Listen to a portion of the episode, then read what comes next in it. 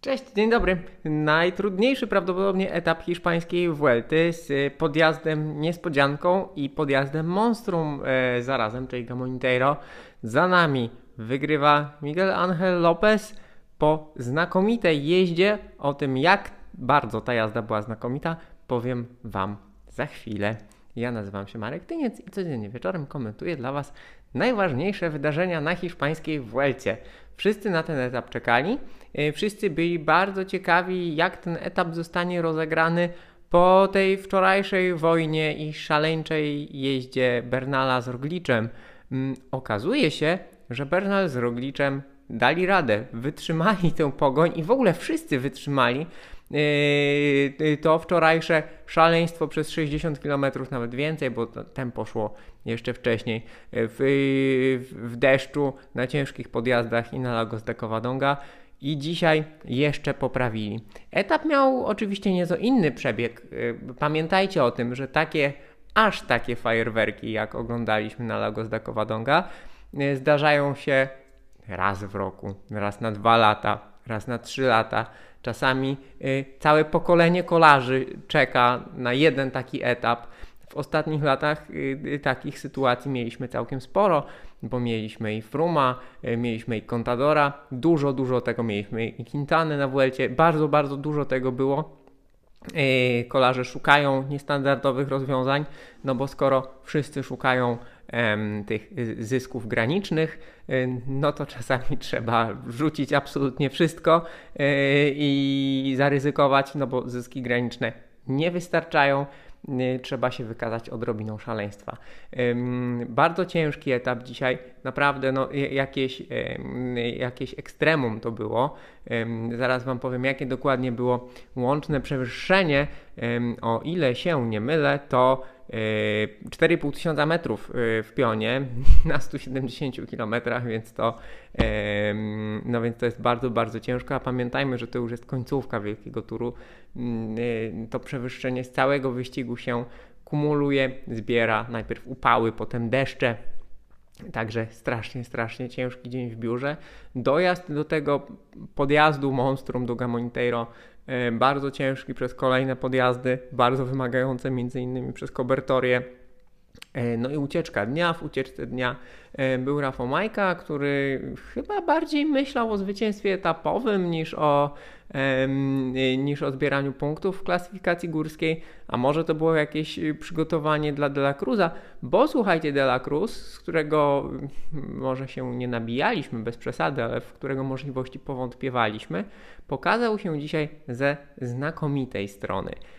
No, kiedy ucieczka dnia została doścignięta, z niej jeszcze z przodu został e, Michael Storer, e, gwiazda, zdecydowana gwiazda i bohater tego wyścigu. E, znakomicie rozpoczął Gamoniteiro, nazbierał wcześniej punkty na premiach górskich, niby asekurując Romana Bardeta, a tak naprawdę odbierając koledze z zespołu koszulkę w niebieskie grochy, czyli koszulkę najlepszego górala.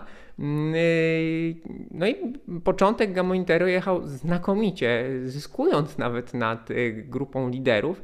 Z grupy liderów poszedł De La Cruz i jechał świetnie. Jechał świetnie, dogonił Storera, potem bardzo, bardzo długo się bronił.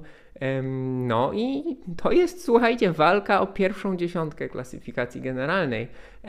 Właśnie De La Cruz z Emiratów i Luis Menzies z drużyny Intermarché. E, czasami właśnie tak naprawdę to nie czasami, tak naprawdę to zawsze e, zapominamy o tych zawodnikach, którzy są na siódmym, na ósmym miejscu, na dwunastym, a tutaj widać, e, jak zacięta walka e, była dzisiaj o miejsce w pierwszej dziesiątce klasyfikacji generalnej, właśnie między Maintainsem, świetnie, świetnie wspomaganym przez kolegów z drużyny. Naprawdę robili tempo niczym Team Sky za najlepszych lat, a broniącym się De La Cruzem, który wybrał opcję wcześniejszego e, pojechania do przodu. To było świetne, to było naprawdę świetne. Przełamanie takiego e, jakiegoś impasu, bo drużyna Bahrain Victorious jechała bardzo solidnie, ale defensywnie widać, że oni robią wszystko, żeby utrzymać Jacka Heiga w grze o podium. No ale do gry wkroczyli kolarze Movistaru i do gry wkroczyli Bernal z Rogliczem. Słuchajcie, wydawało się, że Bernal z Rogliczem no po wczorajszym dniu to tutaj będą na rzęsach gdzieś wpełzać na ten podjazd, ewentualnie bronić się i jechać defensywnie i, i, i liczyć na to, że że się utrzymają, a tymczasem, tymczasem oni y, atakowali, oni przyspieszali, oni atakowali innych, oni atakowali siebie nawzajem. To wszystko działo się tak naprawdę w drugiej części podjazdu Gamonitero, który generalnie im dalej, tym jest cięższy.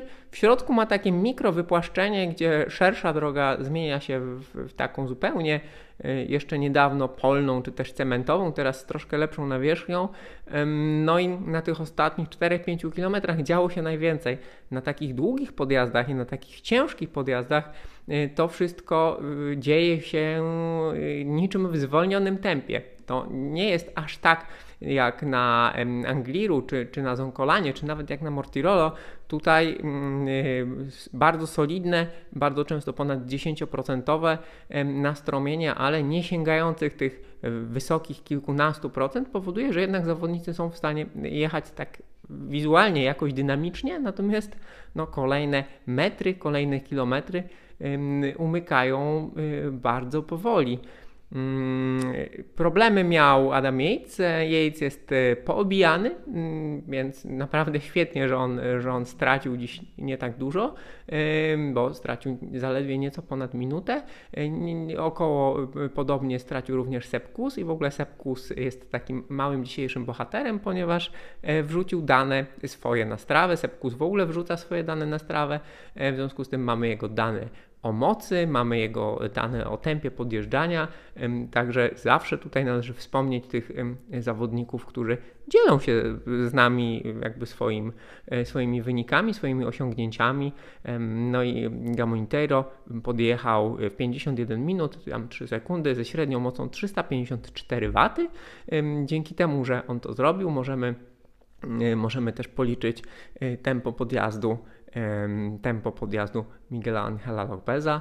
No i teraz słuchajcie, to jest właśnie długi, ciężki podjazd, wysiłek około 50-minutowy i mamy y, z czym to porównać. Możemy y, to porównać z Col de Porte, czyli z najdłuższym, najcięższym podjazdem pirenejskim na Tour de France, gdzie świetnie jechał Pogaczar, Carapaz i y, Winegor. I w zasadzie, słuchajcie, Miguel Angel Lopez, który dziś zaatakował i, i zyskał Y, zyskał nie tak wiele tak naprawdę, no bo zyskał 20 y, sekund około, tak? 14 nawet nad Rogliczem, plus bonifikata to jest 20, 20 nad Masem, 22 nad Bernalem i minutę nad Heyem, to jest ważne w kontekście czasówki. Miguel Angel Lopez pojechał ten podjazd w zasadzie w takim samym tempie. To jest troszkę ponad 1700 metrów na godzinę, między 5 i 8 E, a 6 watów na kilogram. E, zatem Miguel Lopez na koniec wielkiego turu, ciężkiego wielkiego turu, pojechał 50-minutowy podjazd w tym samym tempie co Pogaczar, Carapaz i Winegord. 50-minutowy podjazd na koniec ciężkiego etapu, na koniec ciężkiego wielkiego turu na Tour de France. Także Szacunek, czapki z głów, panie Lopez, naprawdę świetna jazda. Kolumbijczyk jest specjalistą od długich podjazdów, od ciężkich podjazdów, od podjazdów na dużych wysokościach. No, zrobił dzisiaj trochę przewagi nad Heyem. Wszystko na to wskazuje, że e, Mas, który jechał razem z Rogliczem, któremu Roglicz w końcu wetrze troszkę odjechał, Mas i Lopez będą e, na podium, jeżeli obronią się na czasówce. Ale ale mamy jeszcze po dniu takiej wirtualnej przerwy, y, bo jutro mamy etap dla sprinterów lub dla ucieczki, zależy jak kto będzie, w jakiej będzie dyspozycji. Jakobsen musi dojechać y, do mety, żeby dowieść zieloną koszulkę. Nie wiadomo, czy będą gonić ucieczkę, czy nie. Y, mamy w sobotę mamy ciekawy etap z licznymi podjazdami, nie tak długimi, nie tak ciężkimi, ale jest ich bardzo wiele. No i kto wie, co tam się może wydarzyć, bo może drużyna e, Bahrajnu, która no, nie jest na podium, może Movistar, e, czy kolarze Ineosu, no raczej już nie, bo ich strata jest troszkę za duża, ale zapowiada się to wszystko znakomicie.